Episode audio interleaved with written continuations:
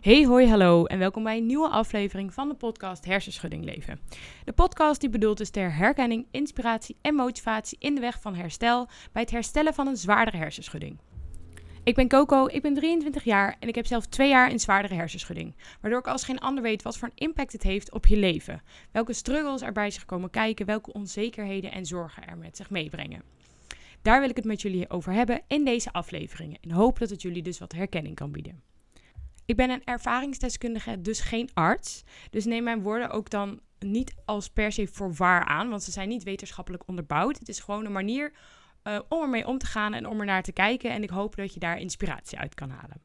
Oké, ik heb een Instagram-account, dat heet Hersenschudding Leven. Als je nou op- of aanmerkingen hebt over de afleveringen, of je wil graag je verhaal kwijt, of je wil überhaupt gewoon iets delen, doe dat dan via Instagram-account. Ik vind dat echt super leuk als jullie dat doen. Dat motiveert mij heel erg om nieuwe afleveringen te maken en om bezig te blijven met deze podcast. Dus ik vind dat echt heel erg leuk. Uh, het account heet de Hersenschudding Leven. Oké, nou, aflevering 36 alweer. Ja, het gaat echt hard. Ik weet nog dat ik vorig jaar in augustus volgens mij begon. Iets voordat ik uh, naar Jamaica ging. Maar ik had nooit gedacht dat ik nu al bij aflevering 36 zou zitten. Nou, het gaat echt snel. En ik vind het echt nog steeds super leuk om te doen. Dus daar ben ik echt super blij mee. Wil ik graag even bijpraten over afgelopen week. Want het was een beetje een gekke week. En hoe kwam dat nou? Nou, het was afgelopen maandag, uh, is precies een week geleden, Koningsdag. Maar voor degenen die dit nu luisteren, het is 4 mei 2020. Um, maar stel je luistert op een ander moment. Het is dit jaar het jaar waarin we in een coronacrisis zitten. En dat is een beetje een gekke tijd waarin iedereen eigenlijk wordt geacht zoveel mogelijk binnen te blijven. Om ervoor te zorgen dat we niet uh, mensen met risicogroepen besmetten met het coronavirus. Maar ja, hoe zit dat dan met alle leuke feestdagen die er dan zijn? Waar mensen elkaar normaal massaal gaan opzoeken en gezellige dingen met elkaar gaan doen of naar festivals gaan. Dat kan nu dus niet. Um, en dit jaar heette het dan ook niet echt Koningsdag, maar Woningsdag. Dat was ik een beetje vreemd. Om tien uur s ochtends was er een speech van de koning. Nou, die heb ik geluisterd. Uh, maar daarna had ik toch wel een planning die dag. En uh, ik ben naar een vriendin toe gegaan. Zij woont best wel een eindje van mij vandaan. Dus ik moest ook wel een eindje met de trein. Ik werd aangeraden om dat niet te doen. Maar ik heb het wel gedaan. Um, en dat was voor mij echt, nou, ik zeg twee uur reizen of zo heen. En uh, nou, het was echt super gezellig. Ik was dus bij een vriendin. En uh, we gingen daar barbecuen en s'avonds ging ik weer terug. Maar omdat de treinen nu ook wat anders reizen, duurde het me echt 2,5 tot 3 uur voordat ik weer thuis was. Dus dat is best wel een heftige dag. Ik was de dag erna ook echt wel moe ervan. Uh, maar ik had gelukkig wel vakantie. En dat vond ik best wel relaxed. Ik heb echt even een hele week nou, niet super veel aan school gedaan. Ik wilde echt eventjes ontspannen. Ik merkte dat ik dat ook nodig had. Want ik merkte dat ik echt een beetje opliep tegen de hoeveelheid dingen die ik van mezelf allemaal ging doen op een dag. En het is heel fijn als je daarvoor gemotiveerd bent en je hebt energie om die dingen te doen. Maar het is ook soms even goed om daarbij even te ontspannen en de balans daarin te zoeken. Dus dat heb ik echt geprobeerd deze vakantie. Um, nou moet ik heel eerlijk zeggen dat het vandaag dus uh, de eerste dag na de vakantie is. En ik eigenlijk moer ben dan in de vakantie. Dus ja, ik heb toch denk ik nog iets te veel gedaan. Maar goed, we zitten nog steeds in de coronatijd. Dus ik heb voldoende tijd om thuis eventjes mezelf weer... Uh, in balans te kunnen brengen. Daar heb ik ook hartstikke veel vertrouwen in. Maar goed, het was dus vakantie en ik ging dus eigenlijk steeds wat minder doen. En ik verloor daar ook wel wat motivatie om wat dingen te doen. Omdat ik eerst nog wel zoiets had van, uh, nou ja, komt goed. Um, ik ga mijn to-do-list gewoon wat korter maken. Maar ik merkte dat ik steeds een paar dingen van mijn to-do-list gewoon niet meer ging doen. Ook omdat ik uh, ja, bepaalde dingen als een te groot iets zag. En het dan lastig vond om dan daarmee te beginnen. Maar goed, het was ook wel een beetje vakantie, dus dan ga ik mezelf vertellen dat dat dan ook weer niet per se hoeft. Maar nu is de vakantie voorbij en gaan we daar gewoon weer volle bak mee aan de slag. Geen tijd meer voor excuses. um, wat ik ook nog had deze week, ik had een verjaardag van een vriendinnetje van mij. En um, ik was daar eind van de middag en toen kwamen er s'avonds om acht uur ook nog allemaal vrienden van haar. Nou ja, niet superveel. Ik denk dat we in totaal met z'n zessen waren. Want alles moest natuurlijk wel op afstand. En um, ja, dat is toch wel even wennen weer hoor. Als je ineens allemaal mensen om je heen hebt. Ook gewoon omdat je gewend bent om nu veel alleen te zijn. Um, of misschien contact hebben één op één met iemand anders. Maar ineens waren er weer echt zes mensen om me heen. En ik merkte dat met Woningsdag ook al. ja, dan moet je toch wel even acclimatiseren hoe is dat nou met meerdere mensen te zijn. En ook waar ga je over praten, omdat je toch ook wel vaak iets wil vertellen wat je zelf, ja, ik weet niet, hebt meegemaakt. Ehm, of juist heel erg specifiek geïnteresseerd bent in iemand anders. Maar dat is dan weer gek als je met een grotere groep bent. Want niet iedereen vindt het dan zo leuk om daarover te praten. Ik moest daar echt weer even aan wennen. Ehm, en dat bracht mij ook wel een beetje naar het onderwerp van deze week. Want ik had dus vrijdag die verjaardag gehad. En ehm, nou, ik merkte eind van de avond, of nou eigenlijk een beetje ja, halverwege de avond, dat ik best wel moe aan het worden was. Ik kreeg ook wat hoofdpijn. Ehm, ik had expres geen alcohol gedronken. Ik dacht, nou, dat gaan we even niet doen. En toen ben ik best wel op tijd weer weggegaan. Of nou ja, op tijd. Het was half elf of zo.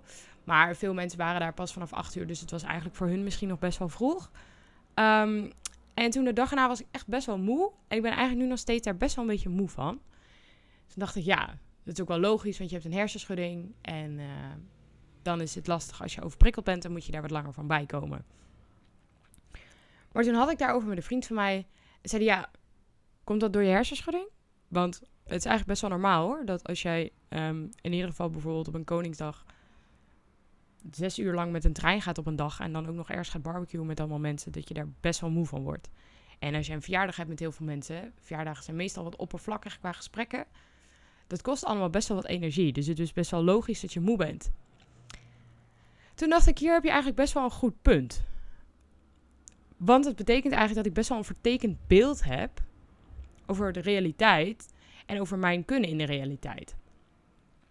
En daar wil ik het dus deze week over gaan hebben. Over dat vertekende beeld. Het vertekende beeld is eigenlijk um, een onrealistisch beeld hebben van de werkelijkheid. En dat hoeft niet per se over de werkelijkheid als in um, wat je nu hebt, maar meer in over wat je misschien acht, waar je naartoe gaat. Uh, ik zal er zo meteen wat meer duidelijkheid over geven. Maar ik zoek vaak oorzaak van klachten van mijn hersenschudding. Um, nee, laat ik het anders zeggen. Ik zoek vaak oorzaken bij lichamelijke klachten. Als ik bijvoorbeeld hoofdpijn heb, of ik ben moe, of ik ben overprikkeld, dan ga ik nadenken van nou, waardoor zou dat nou kunnen komen? En meestal geef ik daar zelf het antwoord al op, mijn hersenschudding. Het meest voor de, voor de hand liggend, want ja, daar ben ik de afgelopen twee jaar super veel mee bezig geweest. Daar heb ik nu kennis van. Daarvan weet ik dat ik wat sneller overprikkeld ben. Dus als ik nu overprikkeld ben, zal het wel komen door mijn hersenschudding. Maar is dat wel zo? Zou het niet ook mogelijk kunnen zijn dat ik gewoon best wel veel gedaan heb en dat mijn lichaam daarvan moet bijkomen? Ongeacht of dat ik een hersenschudding heb of niet. Komt dat wel door die hersenschudding? Of is het gewoon een soort van mijn limiet? Überhaupt. Um, en daar ben ik best wel veel over gaan nadenken de afgelopen week. En dat vind ik ook wel interessant. Um, want als ik dus even wat dieper zou ingaan op een voorbeeld die ik net gaf. Ik had dus die verjaardag vrijdag. Nou, dat was super leuk. Ik was daar om drie uur s middags. Um, en ik was daar bij mijn beste vriend en zijn vriendin. Zijn vriendin was jarig. Nou, we kennen elkaar best wel goed. We klikken ook best wel goed. Zij is echt ook wel een vriendin van mij. En um, nou, we gingen met z'n allen lekker bijkletsen. We hadden een muziekje opstaan. Um, mijn beste vriend ging een taart bakken. En ja, we waren gewoon gezellig elke keer met z'n allen bezig. Ging daarna met z'n allen pannenkoeken eten. En spelletjes spelen op de Switch die zij mee had gebracht. En uh, s'avonds om acht uur kwamen er wat mensen. Nou, was ook allemaal super gezellig. En om een uur of, nou, ik denk uh, kwart over tien, kreeg ik al een beetje last van mijn hoofd. Ik merkte dat ik moe was. Ik merkte dat ik moeite had met um, energie steken in conversaties. En toen dacht ik, Coco, is het niet misschien gewoon een goed idee om naar huis te gaan? En toen ben ik naar huis gegaan. Um, en toen kreeg ik ook de vraag van, ja, waarom ga je dan nu naar huis? En toen zei ik, ja, ik heb last van mijn hersenschudding. En toen ging ik de dag erna uh, over nadenken. En toen dacht ik, ja, was dat wel zo? Of is het gewoon eigenlijk best wel normaal dat als jij nu in de coronacrisis zit en je zit thuis je krijgt niet heel veel prikkels meer. En je bent ineens ergens waar je ineens weer veel prikkels krijgt. Veel nieuwe indrukken. Dat je daar gewoon wat eerder moe van wordt. En dat je dan, nou ja, na hoeveel uur zou ik daar zijn geweest? Een stuk of uh, zes, zeven. Dat je dan gewoon moe bent, dat dat best wel normaal is. Ja, ik weet het antwoord daar eigenlijk al wel op. En dat laat me eigenlijk best wel zien dat ik gewoon een vertekend beeld heb. Want ik gooi nu die lichamelijke klachten op een hersenschudding. Wat ook soort van boodschap geeft. Dus als ik die niet zou hebben, had ik het langer volgehouden. Dat is eigenlijk waar het dan over gaat. Dat is mijn vertekende beeld over de realiteit. Dus als ik niet de hersenschudding heb, had ik het langer volgehouden. is dat wel zo? Dat vraag ik mij dus af. Heb ik niet gewoon een vertekend beeld van hoe het zou zijn als ik geen hersenschudding heb? En de aanleiding van dit onderwerp eigenlijk kwam doordat ik um, in gesprek was met mijn uh, met een vriendin die, waarmee ik ook het revalidatieproject heb gedaan. En um, we hadden een WhatsApp-gesprek over, nou, over onze hersenschuddingen en over hoe het nu gaat. En dat het eigenlijk best wel oké gaat. En uh, toen hadden we het er een beetje over. Ik weet niet meer wie daarover begon, maar we hadden het erover van ja, wanneer ben je eigenlijk beter? En uh, toen gingen we daar een beetje over hebben. Dacht ik, ja, dit is eigenlijk wel een hele interessante vraag. Want wanneer acht jij jezelf beter? Ben jij uh, beter als je weer 40 uur kan werken straks? Dus volledig hersteld als je 40 uur kan werken? Of ben jij volledig hersteld als je niet meer dagelijks hoofdpijn hebt? Of ben jij volledig hersteld als je 80%, wow, 80 van de tijd jezelf goed voelt? Of 80% van een dag of zo. Ja, je 80% van de dag voel jij je goed. En kan jij normaal functioneren en die andere 20% moet je even rust nemen. Of ben jij volledig hersteld wanneer je al je terugvallen kan voorkomen? Lijkt me niet heel realistisch, maar oké. Uh, of ben jij volledig hersteld als je door middel van aanpassingen de dag zo doorkomt dat je de dag erna precies hetzelfde kan doen. Dus dat je eigenlijk een soort van balans hebt, waardoor je overdag jezelf kan belasten, uh, maar wel voldoende dat je de volgende dag nog steeds energie hebt. En ja, je kunt eigenlijk een heel vraagteken zetten bij wanneer ben je volledig hersteld? Want ben je ooit volledig hersteld? Kan je volledig herstellen van een hersenschudding? Ja, en wanneer vind jij dan dat dat is? Ik vind dat best wel. We hadden daar een gesprek over en ik vond het best wel interessant. Um, en ik ging daar een beetje bij mezelf over nadenken. En voordat ik dat gesprek had, had ik in mijn hoofd van, ja, ik wil dus volledig herstellen. Um, en ik ben volledig hersteld als ik weer de oude ben. Nou, nu even waarom ik het graag over dit onderwerp vertekend beeld wil hebben. Want wat is voor mij dan de oude? In aflevering 4 van uh, de podcast heb ik het gehad over oude ik versus nieuwe ik. En daarin heb ik eigenlijk heel erg stilgestaan in uh, mijn proces. Dus wanneer ik een hersenschudding kreeg, wat voor fases je inkomt op het moment dat je dus een hersenschudding hebt, dus ontkenning en dat soort dingen. Um, en daar zat nog heel erg de oude ik vers in het geheugen, omdat je vrij snel al begint met dat proces. Um, en dan heb je nog heel erg in je hoofd hoe de oude ik was. Maar nu ben ik twee jaar verder. Langer dan twee jaar zelfs. Dus mijn beeld van hoe de oude ik was is eigenlijk een beetje veranderd. En ik denk misschien zelfs wel geromantiseerd. Um, want als ik nu terugdenk aan de oude ik, dan denk ik aan iemand die alles kan doen wat hij wil, zonder dat ik daarbij hoef na te denken over lichamelijke consequenties. Dus ik kan uh, zoveel stappen als dat ik wil, ik kan blijven werken, ik kan blijven dit doen, ik kan blijven dat doen. Uh, ik kan een nachtje minder slaap hebben. En dan allemaal eigenlijk gewoon nog steeds redelijk goed functioneren. Dat is mijn beeld van de oude ik. Ja, dat is wel heel geromantiseerd. En eigenlijk gewoon een heel vertekend beeld. En ik denk dat dat misschien ook mijn grootste valkuil is. Met betrekking met het bedenken hoe ik weer zou zijn als ik beter ben. Want ik denk nu aan een beeld wat helemaal niet realistisch is. Want de oude ik kon helemaal niet altijd doen wat ze wilde. Was helemaal niet altijd in staat om normaal te kunnen functioneren. Want ik kende mijn grenzen helemaal niet. Dus ik ging zo vaak over mijn grens heen. Ik was zo vaak oververmoeid. En ik was zo vaak dat ik gewoon moeite had met bijvoorbeeld alleen zijn. Of ja, gewoon balans vinden in en naar school gaan en leuke dingen doen. En mijn energie en zo bewaken. En mijn grenzen ook bewaken. Dat is helemaal niet een realistisch beeld die ik in mijn hoofd daarover heb. En dus ben ik mezelf eigenlijk aan het focussen om iets te worden wat helemaal niet realistisch is. En wat ook helemaal niet um, waar is. Ik heb, een romant ik heb een romantisch beeld in mijn hoofd van hoe ik zou moeten zijn.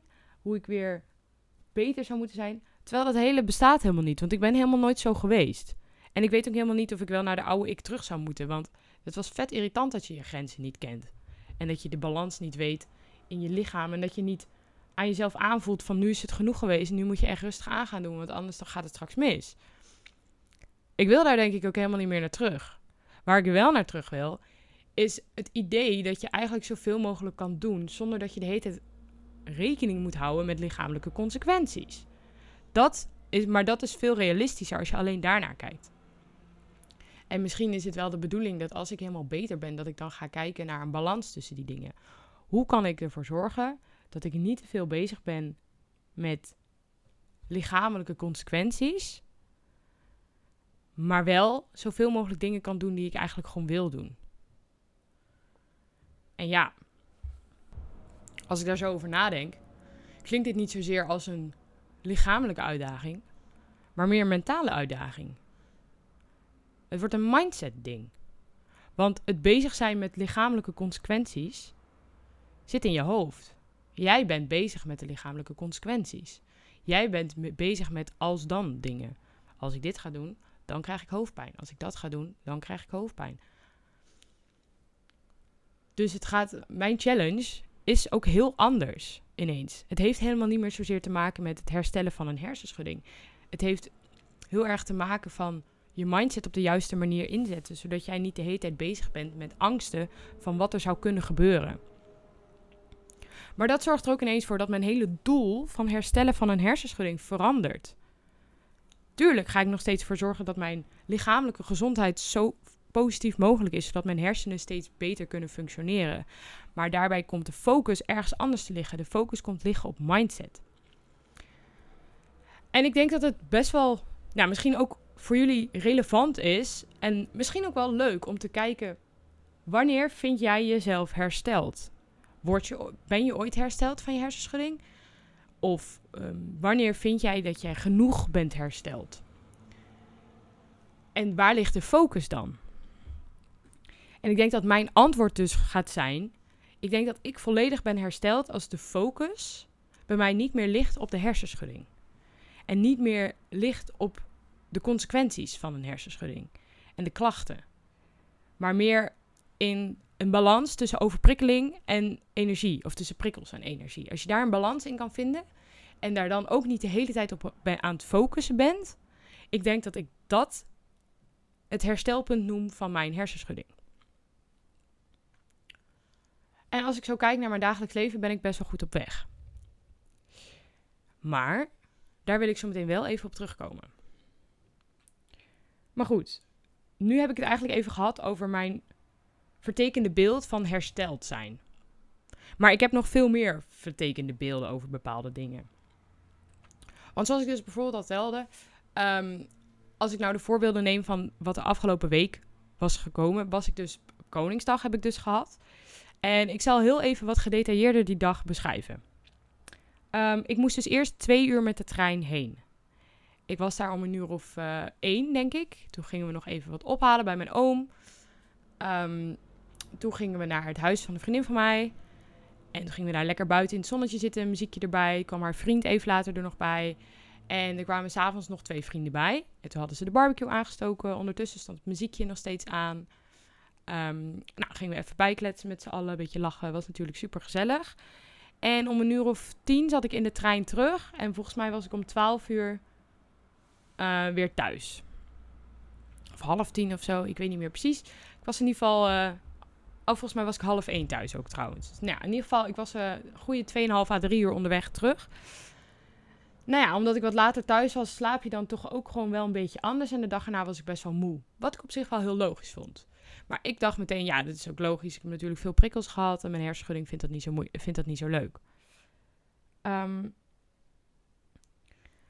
en dat is eigenlijk precies hetzelfde als de situatie met die verjaardag. Dus ik was daar best wel wat uur en ik had mezelf gewoon meteen verteld: Weet je, het is niet gek, want een hersenschudding vindt dat niet zo leuk. En het probleem is niet dat je de oorzaak gaat nazoeken van waarom ben je nu moe of waarom heb je nu lichamelijke klachten. Daar ligt het probleem niet. Omdat het, um, ik denk ook best wel goed is om af en toe stil te staan bij waarom je bepaalde dingen voelt. Om te blijven realiseren dat je niet alles kan doen wat je wil. Dat je wel een beetje rekening moet houden. Maar het feit dat ik het bij een hersenschudding gooi, geeft eigenlijk aan dat ik best wel een vertekend beeld heb daarover. Omdat wat al. Hoe zou een normaal persoon hierop reageren dan? Die zou ook moe zijn na zes uur reizen op een dag en een barbecue en mensen en een verjaardag met allemaal mensen na zes uur en spelletjes op de Switch. Een normaal iemand zou ook moe zijn en overprikkeld zijn. Het enige verschil is waarschijnlijk dat ik iets langer moet bijkomen. Maar over het algemeen is er niet heel veel anders. En dat vertekende beeld vind ik best wel iets om bij stil te moeten staan. Omdat in ieder geval ik voor mezelf um, dingen te makkelijk ga afschuiven op dingen die dan eigenlijk niet zo horen te zijn. Dus ik ga best wel veel de schuld geven aan mijn hersenschudding. En een soort van mijn ogen dan dicht doen daarvoor. Dus oké, ik leg de oorzaak bij mijn hersenschudding en that's it. Terwijl een normaal persoon is ook best wel moe.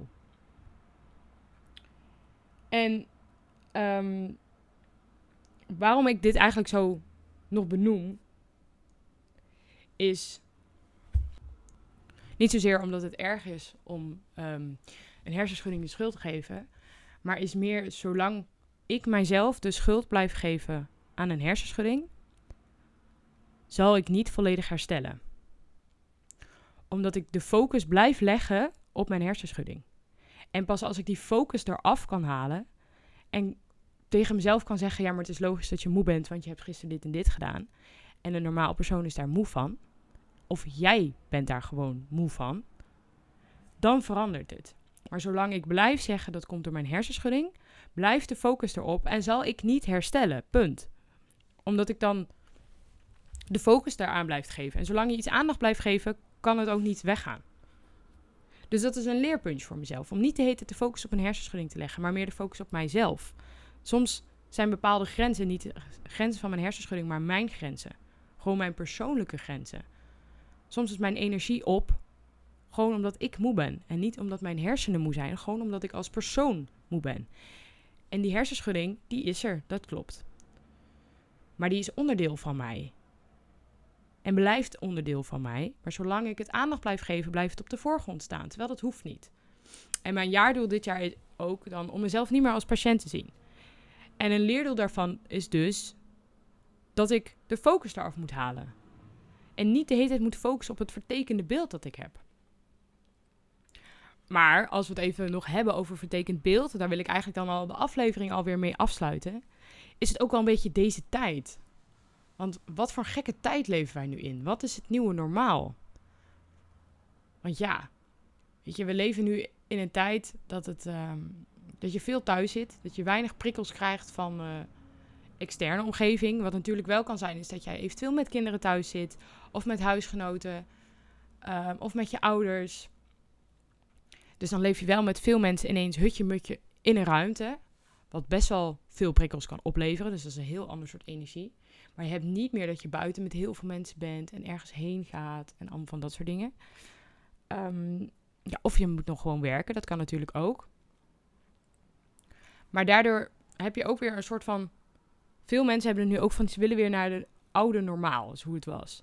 Maar zou ons beeld van het normaal al vertekend zijn? Of zitten we daar nog te vroeg op? Vind ik wel interessant om daarover na te denken.